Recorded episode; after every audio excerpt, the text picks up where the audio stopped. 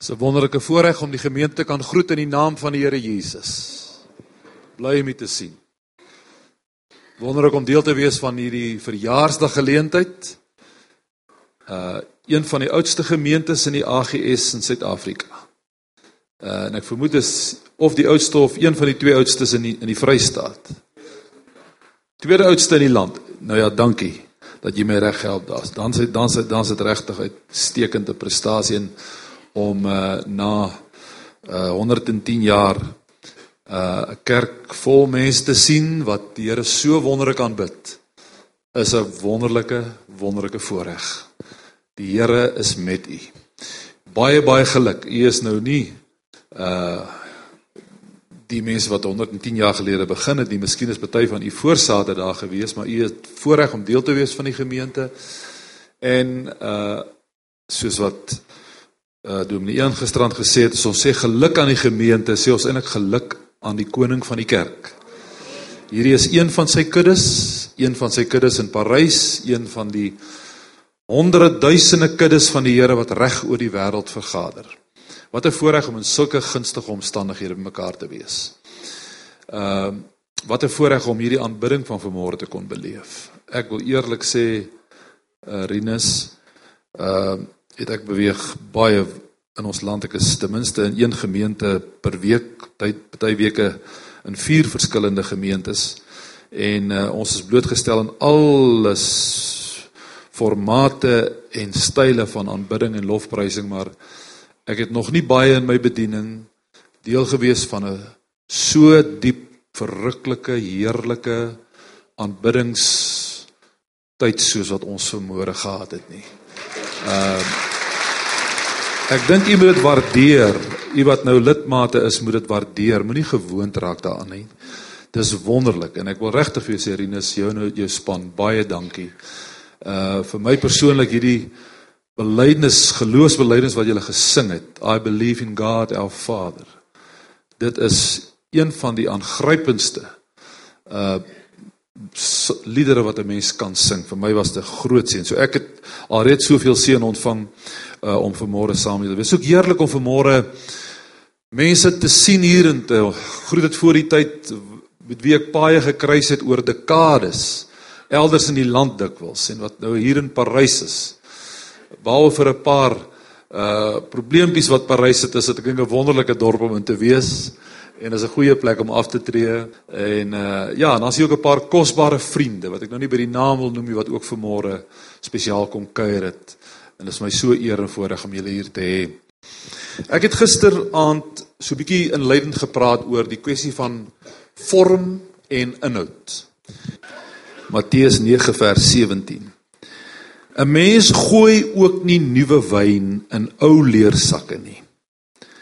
Anders bars die sakke en die wyn loop uit en die sakke vergaan. Maar 'n mens gooi nuwe wyn in nuwe sakke en albei bly behoue.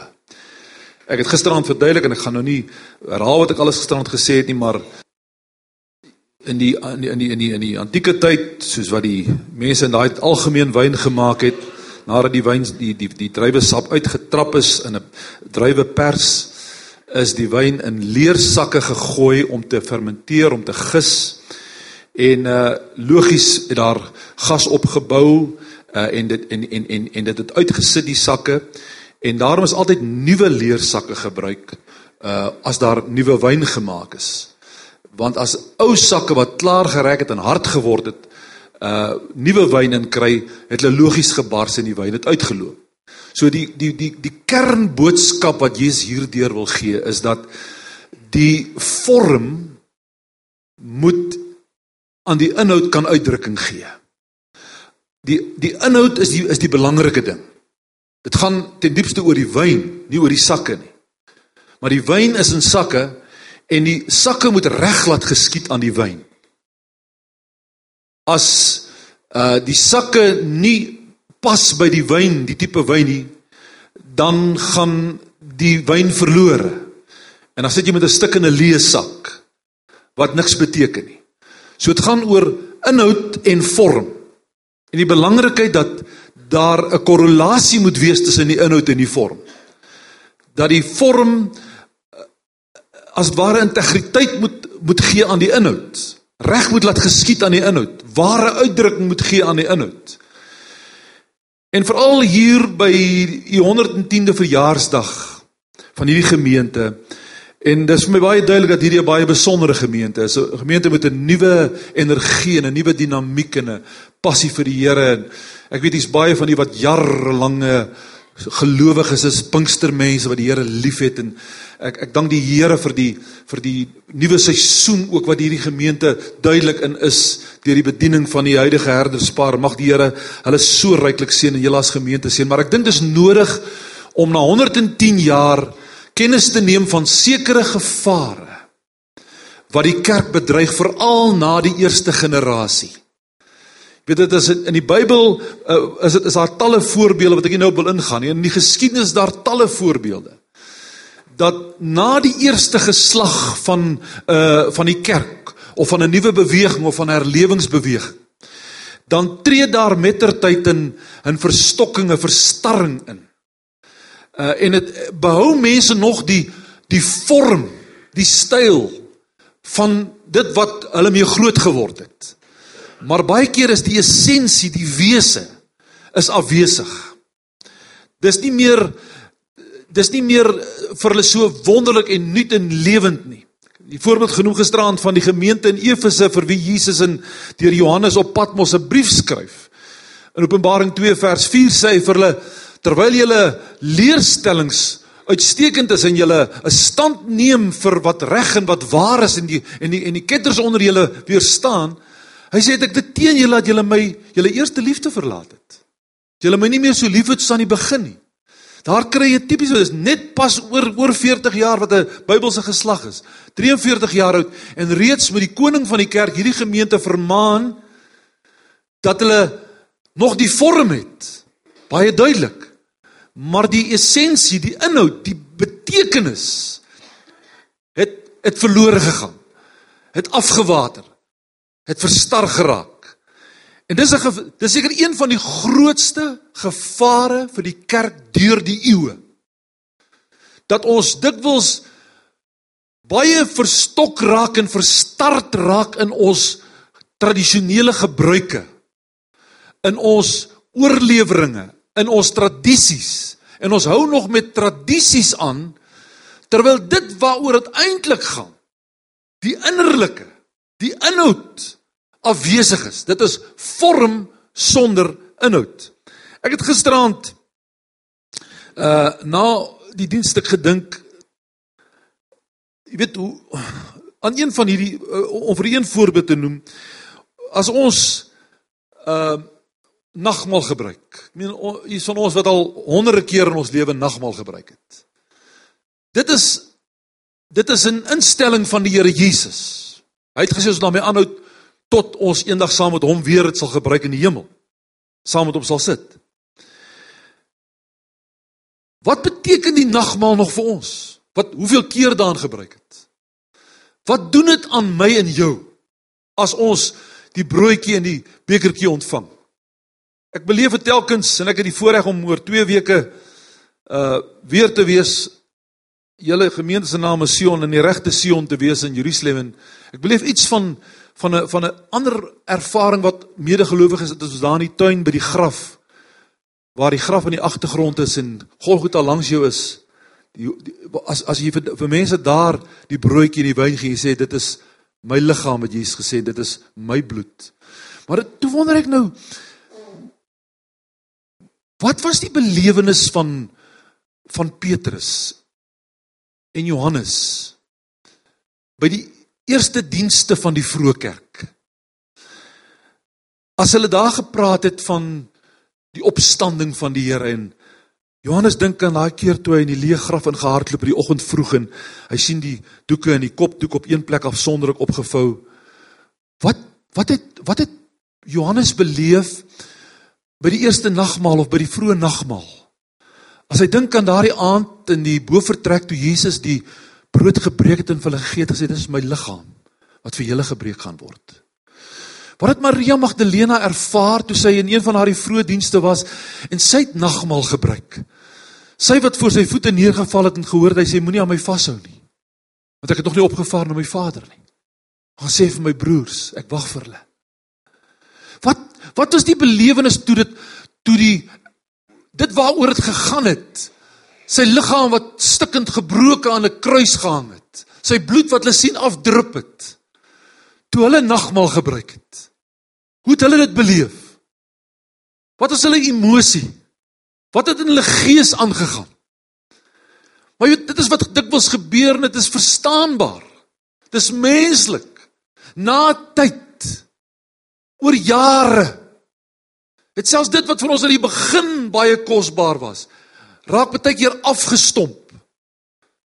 En ons sit met ou sakke wat eintlik leeg is. Daar's 'n vorm oor. En ons kan dit so mooi inklee as wat ons wil.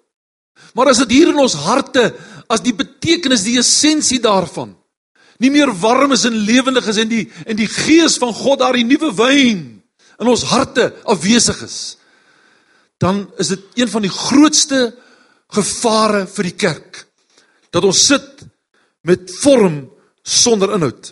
Ek wil vanmôre net saam met u na 'n paar voorbeelde hiervan in die Bybel kyk sodat u sal verstaan wat ek bedoel.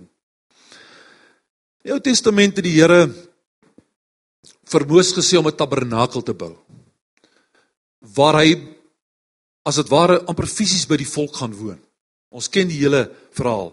En as jy weet hoe die tabernakel lyk, gaan as jy nie weet hoe hy lyk, jy gaan Google dit gerus. Daar's 'n hele paar gevalle van identiese replikas wat hulle gemaak het van die tabernakel, maar die beskrywing in die Bybel is baie duidelik. Dis eintlik 'n teleurstellende gesig as jy die tabernakel sien. Daar naby Eilat uh in Israel is 'n presiese replika van van die tabernakel en dit is my altyd een van die hoogtepunte vir vir die toergroep ook as ons as ons by by daai tabernakel kom in die woestyn. Want want jy's eintlik geskok sien maar dit is so eenvoudig. Dit is so klein, dis dis dis nie 'n duur indrukwekkende gebou nie. Maar die die die kern, die wese van die tabernakel het gelê in die allerheiligste waar die ark was en waar God se Shekinah heerlikheid gerus het. Daar was so heerlikheid.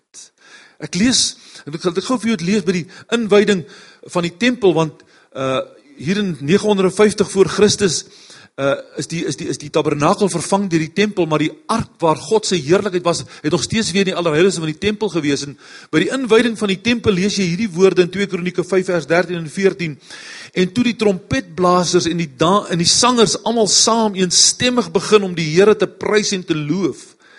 En net toe hulle die stem verhef met die trompette en met die simbale en met die musiekinstrumente en met loof die Here want hy is goed want sy goedertierenheid is tot in ewigheid is die huis, die huis van die Here vervul met 'n wolk, daai Shekinah heerlikheidswolk. En die priesters kon vanweë die wolk nie staan om diens te doen nie, want die heerlikheid van die Here het die huis van God vervul.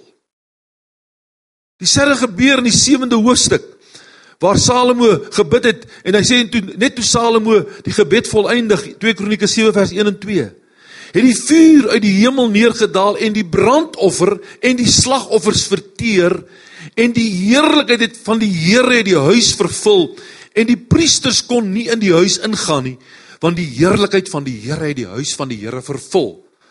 Daar sien jy waaroor dit gegaan beide in die tabernakel en aanvanklik ook in die tempel.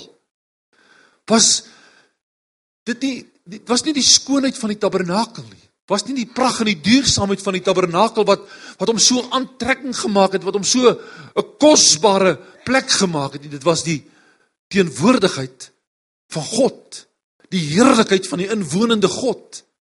Maar nou kry jy die hartseer geval dat kwalik 250 jaar nadat die tempel ingewy is met al die heerlikheid, het die heerlikheid van die Here oënskynlik gewyk. En lees jy in Jeremia 6 vers 20 die Here sê onthou nou in 2 Kronieke 7 sê hy die heerlikheid en die vuur van die Here het die slagoffers en die brandoffers verteer, dit neergedaal daar. Maar dan sê hy hier in Jeremia julle sê die Here julle brandoffers is nie welgevallig nie. En julle slagoffers is my nie aangenaam nie. Ten spyte van die pragt van die tempel wat gebou is deur Salomo, want daar was dit was 'n pragtige gebou. Met met tonne goud en silwer. Ten spyte van die skoonheid en ten spyte van die feit dat die Here se gees aanvanklik daar neergedaal het tot so 'n mate dat die priesters nie kon diens doen nie. Die normale liturgiese aktiwiteite moes opgeskort word. Omdat God se teenwoordigheid so daar was. Maar toe die heerlikheid van die Here pad gegee het om wys die sonde van Israel. Sê die Here vir hulle julle slagoffers en julle brandoffers terwyl hulle besig is met die vorm, met die tradisie. Hy sê dit geen behaag daarin. Dis leeg, dis betekenisloos. En dan dink 'n mens dan as jy 'n keuse gehad het, dan jy liewers die ou tabernakel wat van velle gemaak is. Dan jy liewers dit gekies met die heerlikheid van God, met die teenwoordigheid van die Here. As hierdie pragtig versierde tempel sonder die teenwoordigheid van die Here. Want die vorm kan nie opmaak vir die afwesigheid van die inhoud nie. 'n Leë wynsak is doelloos. Betekenisloos. Dis die vorm, dis die inhoud wat die saak maak, nie die vorm nie. Aan 1 Samuel 4 lees ons terwyl vir vir 'n hele aantal jare, oor die 300 jaar voordat die tempel 'n gebou is, die tabernakel gestaan in, in Silo. En ek gaan hom volgende week toe oor twee weke gaan ek gaan ek Silo besoek vir die eerste keer in 'n hele aantal jare want dis in Wes-oever Palestynse gebied. Maar oor die 300 jaar was die tabernakel daar voordat hy voordat hy na die die die die ark na die na die tempel gebring is. En daar was 'n heiligdom gebou waarskynlik om die tabernakel. En julle ken die storie toe die Filistyne die ark of alters toe die uh, toe toe toe uh, die ag die Israeliete die ark geneem het toe teen die Filistyne geveg het en die Filistyne die ark gekonfiskeer het die hele storie daar gevolg het Dagon wat omgeval het en hoe hulle die ark teruggestuur het met die twee koeie. Uh maar toe die ark verwyder is en die heerlikheid van God daar in die tabernakel in Silo verwyder is, het Eli se een skoondogter geboorte gegee aan 'n seentjie. En toe noem sy hom Ikabod. Wat beteken die heerlikheid is weg. Want die ark van God was toe weg uit die uit die aanbiddingsplek. Hy was in besit van die Filistyne gewees. En hoe tragies dit is, die tabernakel het nogal gestaan sonder die ark, sonder die heerlikheid. En dan sê sy dis Ikabod. Die heerlikheid is weg. En mense kan net wonder hoeveel kerke is daar, katedrale wat in oorweldigende glorie en pragt staan, versier is. Maar daaroor moet ook geskryf word Ikabod. Dan mag dalk nog mense ook wees. Maar daar's niks meer van die heerlikheid van God nie. Die teenwoordigheid van God is nie meer daar nie. Alles is nog daar waar dit soos 'n kerk laat lyk. 'n Toring, kerkbanke, 'n orgel. Maar dit waaroor dit eintlik gaan, die heerlikheid van die Here is afwesig. En dan kry jy uiteindelik dat die ark is later heeltemal met die vernietiging van die van die van die tempel van Salomo is die is die ark verdwyn. Ons weet nie wat daarvan geword het nie. Daar's baie teorieë waar die oorspronklike ark is.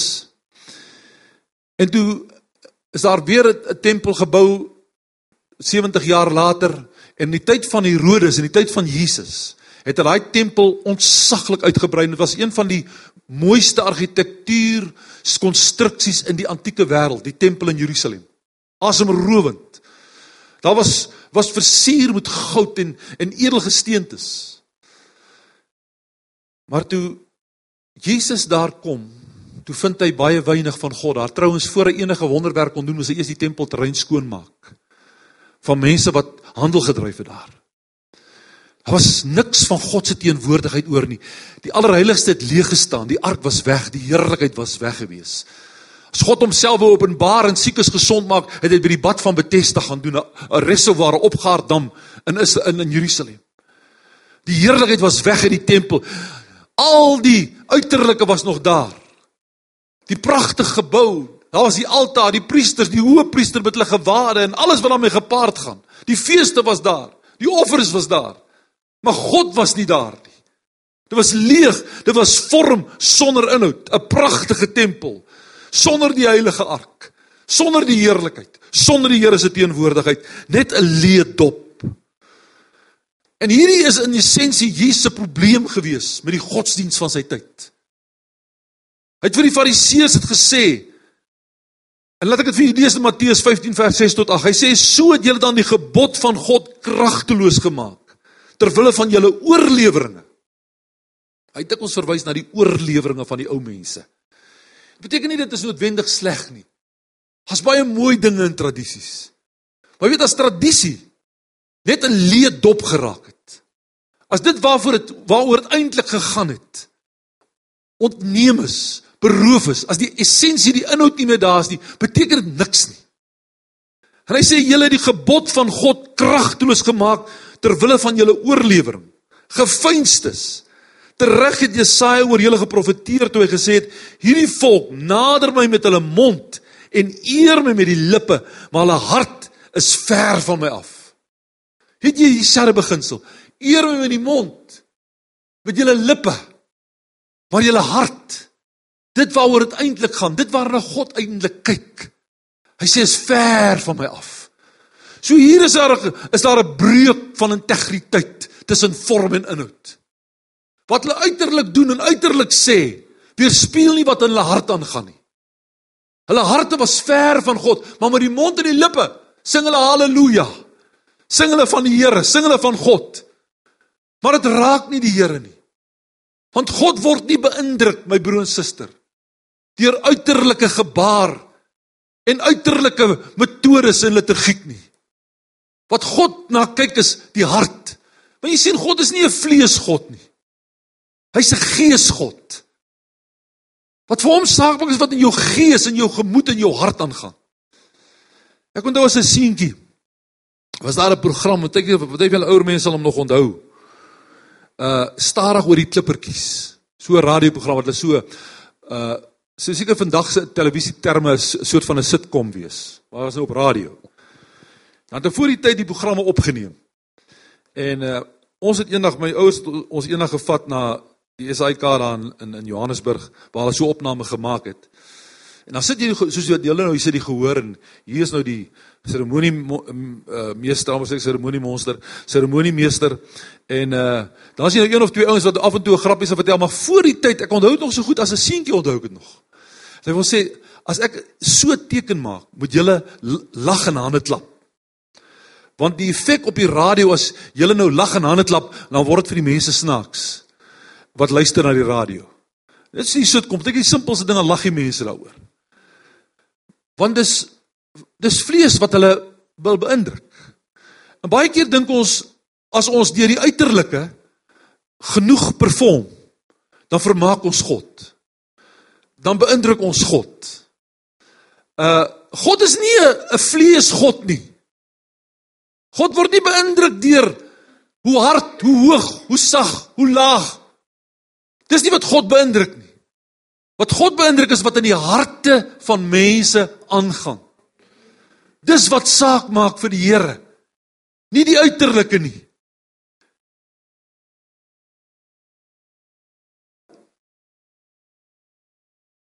Ek het nie 'n probleem met uiterlike manifestasies van hoe mense die Here aanbid nie. Dit's wonderlik as mense gesamentlik die Here prys met hande klap en jy weet dis uit die diepte van hart uit. Maar weet jy ek het ek het 'n probleem die laaste klomp jare. In baie van ons gemeente wat ons kom, dan is dit nou daar's niks daar's daar's geen roering, daar's niks van die Here se teenwoordigheid nie, maar die pastoor of die voorganger sal sal nou na iets wat hy gesê het of na 'n liedjie wat gesing is, sê kom ons gee die Here 'n prysoffer. En dan klap almal hande asof hulle vir 'n vir 'n vir 'n kunstenaar hande klap. En ek sê nie dit is verkeerd om hande te klap nie. Maar ek sê is dit alles waaruit ons aanbidding bestaan. Waaruit ons lofprysing bestaan, 'n soort van 'n meganiese manipulasie om mense laat hande klap om te laat klink dit dis indrukwekkend. God word nie daardeur beïndruk nie. God kyk daarby verby na ons harte. Ek het gisterand weer genoem van my eie oogoopmaker jare gelede toe ek in 'n byeenkoms was van van die Gospel Businessmen Fellowship waar mense van alle denominasies bymekaar was. En ons 'n liedjie sing oor Jesus en nie 'n paar Romeinse nonne staan met hulle Romeinse kleed ge, gewade aan. En terwyl ek krities in my hart is want ek word opgelei in die NG Kerk en ek is krities oor die Romeinse gevaar. staan hierdie vroue met hulle hande in die lug en trane buggel oor hulle wange. En ek wonder wat sien God in hulle hart? Ons kritiseer oor baie dinge wat miskien regmatig so is. Miskien neem Maria te 'n belangrike plek in hulle midde. Miskien is die sakramente te belangrik. Maar uiteindelik kyk God nie na die uiterlike metodiek en liturgie en kultuur van die gemeente nie. God kyk na die harte van individue. Hy sien die binnekant. Dis wat vir hom saak maak. Die vrou by die put van Samaria in Johannes 4. Toe Jesus vir haar uitdruklik uitwys jou lewe is nie reg nie. Jy het al 5 mans gehad nie wat jy nou by is, is nie joune nie. Toe begin sy stry oor teologie. En sy sê vir hom, julle sê ons moet in Jerusalem by die tempel in Jerusalem aanbid. Maar ons ons Samaritane het ons eie tempel in Samaria. Wat is nou die regte tempel? Die Here sê vir vrou, God is gees. En as jy God wil aanbid, moet jy hom in gees en in waarheid aanbid. Wat is in gees en in waarheid? Wanneer aanbid 'n mens in gees en in waarheid? Wanneer jou vorm en jou inhoud ooreenstem.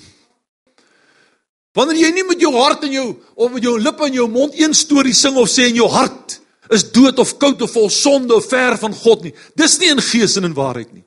In gees en in waarheid is wanneer hart en tong ooreenstem. Wanneer hart en mond dieselfde taal praat. Ek het al by geleentheid vir jong mense gesê jare terug. Julle kan maar julle kapriolle uithaal in die kerk is reg. Al wat ek jou vra is al spring jy 6 voet hoog in die kerk. As jy die slaggrond vat, loop uit jou pad reguit.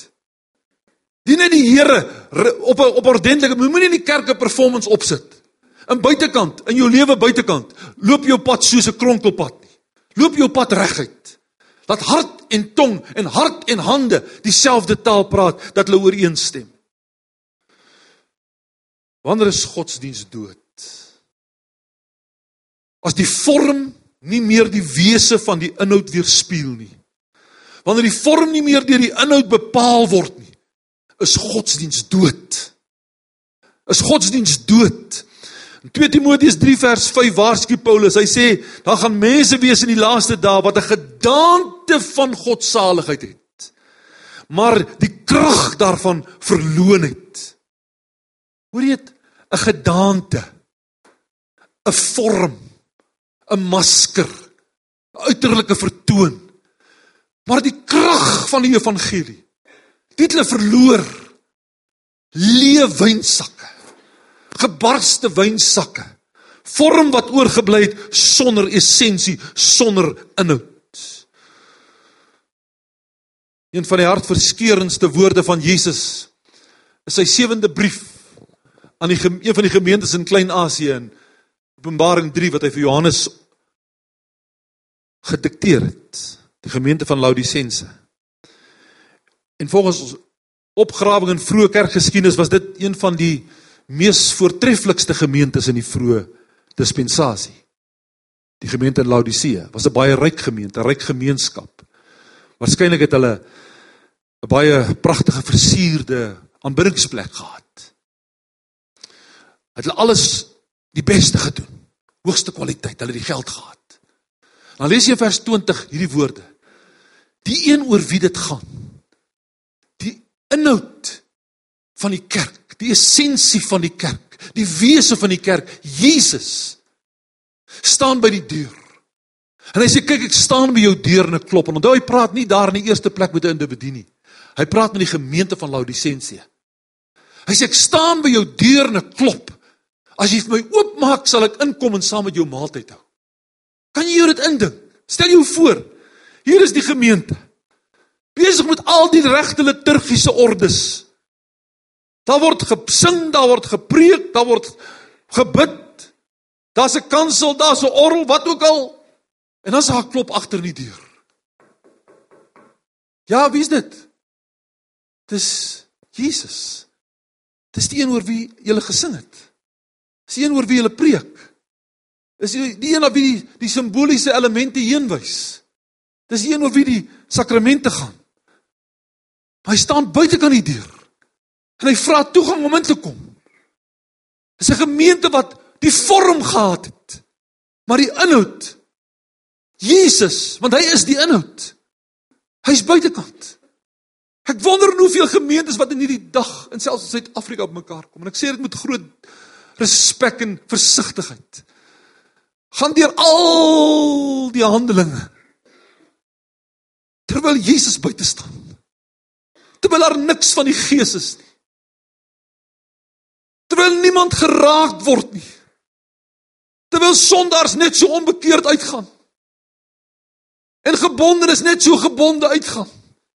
Daar geen openbaring is van sy krag nie, geen openbaring is van sy gawes nie. Geen ervaring van sy heerlikheid en sy teenwoordigheid nie. Wat 'n tragedie. Wat 'n gevaar vir die kerk. As ons sit met 'n vorm sonder inhoud. Jy sien as ons besef dat dit wesenlik gaan oor hom. Die ervaring en verhouding met hom, dan raak die vorm eintlik van minder belang. Dit so, baie keer so, ek sê nou nie in my praat van die algemeen. So ons so geokkupeerd met die vorm. Hoe dit lyk. En ek sê nie ons moet sommer so rowwe ongeafge uh, geronde sake nie. Ek dink in die kerk moet ons alles ten beste doen. Dit ons die die plek moet netjies en skoon wees en wat ons aanbied, ons lof en ons al dit moet ten beste wees wat ons kan doen. Ek, ek sê nie ons moet ons moet nie omgee nie. Maar ek dink as ons verstaan waaroor die inhoud eintlik gaan, dan besef ons die vorm is eintlik minder belangrik as die inhoud. Dinge soos kultuur, ouderdom, Die tyd waarin ons lewe kan die vorm laat verskil. Ek wil ek nou maar 'n simpel voorbeeld eh, gebruik. Ek staan nou voor die vanmôre met 'n netjiese baadjie wat my 'n paar rand gekos het en 'n mooi das. Weet jy, en dit dit lyk netjies. En ek het geen probleem daarmee nie. Maar maar broers, ons preek dit nie veral nie verlede. Ek weet ons nou te groot maar daaroor, maar het ons so 'n probleem gehad as iemand nou nie presies so aangetrek is nie asof 'n pak klere en 'n das sy oorsprong by die Here Jesus in die Bybel het. Ek kan jou verseker 'n das en 'n pak kom nie van Jesus nie, dit kom van Engeland af. Dis 'n tipiese wat die ANC en die EFF deesdae sê 'n kolonialistiese erflating wat ons het. Dit pas eintlik nie in Suid-Afrikaanse somers nie. Nou dit nie as jy so as jy gemak voel as jy dit As jy netjies voel, jy voel dis soms altyd trek so anders reg. Geen probleem daarmee nie. Maar ek onthou 'n tyd kom ek in die Kaap by die Kaapse Pinksterfees van die van die van die kerk daar Pinksterpark. Daar's een van die pastore van die senior pastoor besig om aan sy kamphuisie te bou. Dan staan hy met sy swart pak en sy wit das bo op die scaffolding besig om sy om sy huisie te bou. Want 'n pastoor het so aangetrek. En ons het 'n issue gemaak en ons het mense baie keer teen gediskrimineer, baie keer selfs die kerk geweier in die tyd wat verbygaan het. Om in die kerk te kom omdat die vrou 'n lang broek aangetree het en die man nie 'n pak of 'n das aangetree het nie. Nou weet dis tot 'n groot mate vergange se dae se dinge. Maar dit is tipiese voorbeeld. Daar was 'n tyd toe dit gepas is, gepas was. Almal het so aangetrek. Maar broers, daar's tyd verander. Daar's dinge wat forme wat kan verander sonder dat dit die essensie affekteer. Vir manne baard of nie 'n baard het nie. Of sy hare korter of langer is. Dis nie die essensie van die ding nie. Partykeer is ons in ek self, want ek ek kom uit uit 'n ouer generasie. As mens bevooroordeel teen sekere dinge, maar as jy regtig gaan dink, dan vra jy jouself die vraag, is dit waarna God kyk? Is dit vir God belangrik? Want die Here kyk by al die goed verby en ek kan ek kan so reg optree en so reg gekleed en so reg alles wees, maar hier binnekant kan boosheid wees. Kan slegte gedagtes wees. Kan afkeerigheid aan God wees. En dan beïndruk die uiterlike God nie. Daarom sê ek vorm kan verander soos tyd verbygaan. En ek sê nie ons moet probeer snaaks wees nie en ek sê nie ons moet probeer wars wees nie. Maar maar kom ons Lê die klem op waar dit saak maak. Is die hart reg? Is die verhoudinge reg? Is dit waarna God kyk reg?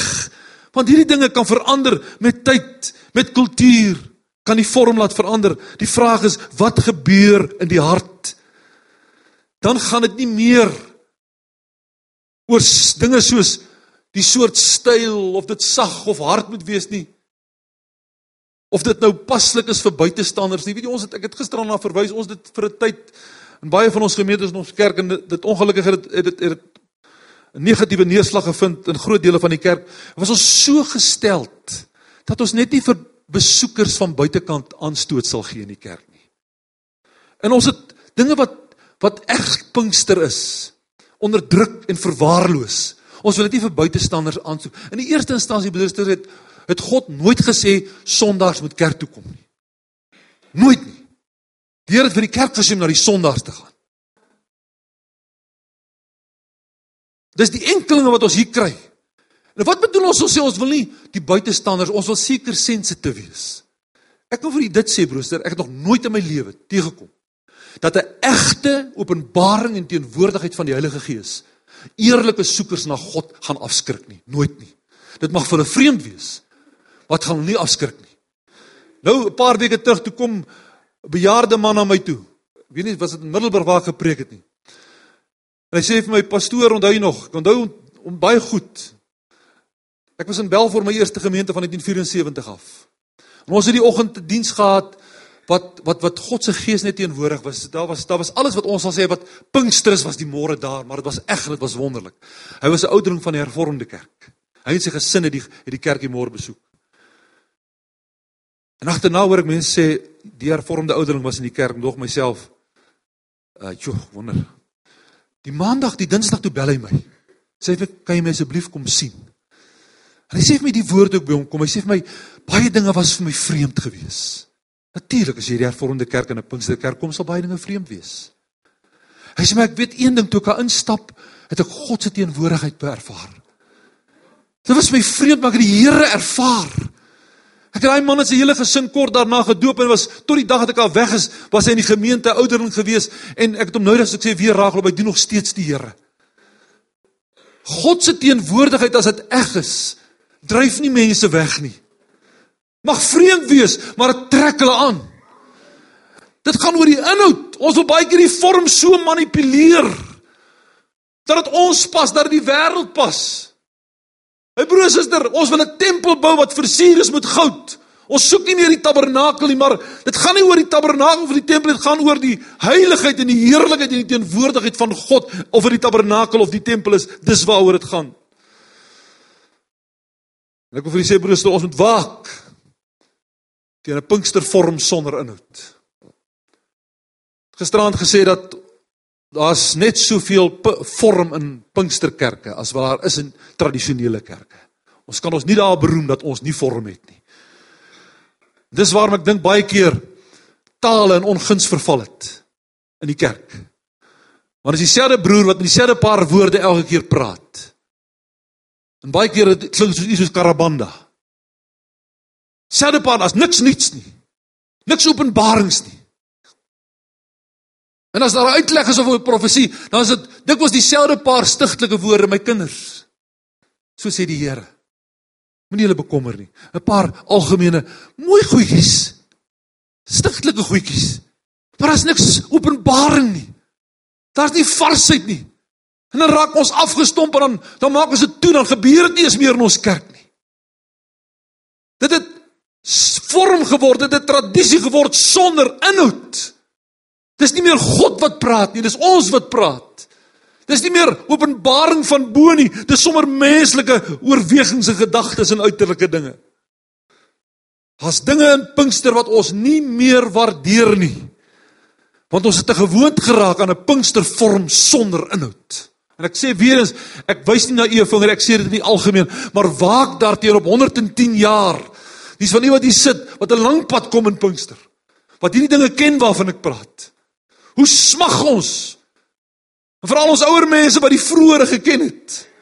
Gaan weer na die egtheid van die openbaring van die heerlikheid van die Here.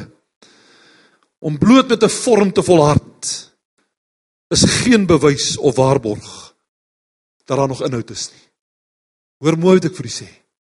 Jy kan daai vorm so mooi oppas daai ou wynsak en hom so opdres dat hy so aantreklik lyk. Maar as daar nie inhoud is nie, dan is dit dood en dit bring nie lewe nie.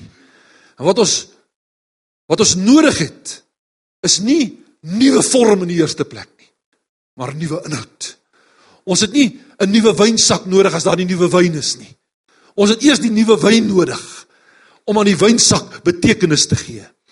En nuwe wyn sal spontaan die wynsak bepaal. Die inhoud bepaal die vorm. Die fokus moet weer val op die inhoud. Wat ek vanmôre vir u wil sê is broer en suster. Gemeente van Parys. Maak seker en 'n groot deel van hierdie gemeente is gesoute Pinkstermense. Maak seker dat geestelik gesproke die deur van ons gemeente oop staan sodat Jesus nooit buite hoef te staan en klop en te sê asseblief laat ek inkom. Dat ek inkom in julle sange, dat ek inkom in julle liturgie, dat ek inkom in julle prediking dat dit om my sal wees waar dit gaan. Nie net mooi woorde, mooi herinneringe, mooi tradisies, mooi strofes nie, maar dit sal gaan om my. Dat julle my sal sien, dat julle my sal belewe, dat julle die krag en die heerlikheid van die Heilige Gees sal belewe. Ek meen dis waarskynlik indien nie die grootste nie, een van die grootste bedreigings en gevare van die kerk en vir die Pinksterkerk spesifiek dat ons met vorm sonder inhoud kerk hou en voortgaan. Mag God u help as die Here vertoef om te kom dat dit al hoe meer die soeke sal wees. Here, nuwe wyn in nuwe sakke. Help ons om nie so verknog te wees aan ou tradisies wat geen essensie meer het nie. Wat geen indruk maak op buitestanders nie. Geef vir ons nuwe wyn in nuwe sakke. Kan ons 'n paar oomblikke ons hoef te buig in gebed. Here ons wil net vir 'n paar minute stil word voor U. Vir hierdie hoogtepunt van hierdie pragtige gemeente. So 110de verjaarsdag. En ek glo Here dat U as die koning van hierdie gemeente, ja ook van hierdie gemeente, die ons wil waarsku dat U ons wil attent maak op die gevaar wat reg deur die eeu en eeue U kerk bedreig het. Dat ons so gou gewoond raak aan die tradisie. Miskien was daar 'n tyd wat daardie spesifieke tradisie en daardie vorm saak gemaak het, relevant was, korrek was. Want tussentyd hou ons net aan met die leë dop. Daar's geen inhoud aan nie. Here, dit is 'n saak vir elke individu. Dit is 'n saak vir hierdie gemeente. Dat ons gedurig, Here, ons lewens binne en buite die kerk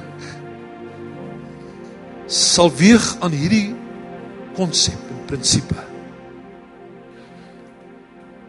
Is die inhoud en die vorm gelykwaardig. Gee die vorm eerlik uitdrukking aan die inhoud. Of sit ons dalk net met 'n mooi Christelike vorm? 'n Mooi Pinkstervorm waarin ons goed gekonfyt is en waarmee ons vertroud is en veilig voel. Maar ons maak nie ruimte vir die nuwe wyn nie. Here, U is besig met hierdie gemeente op 'n wonderlike wyse. As 'n nuwe daarraad aan die aanbreek vir hulle. 'n Nuwe seisoen. Maar Here, ons wil nie net 'n plek wees waar klop mense elke Sondag gemaklik bymekaar kom nie.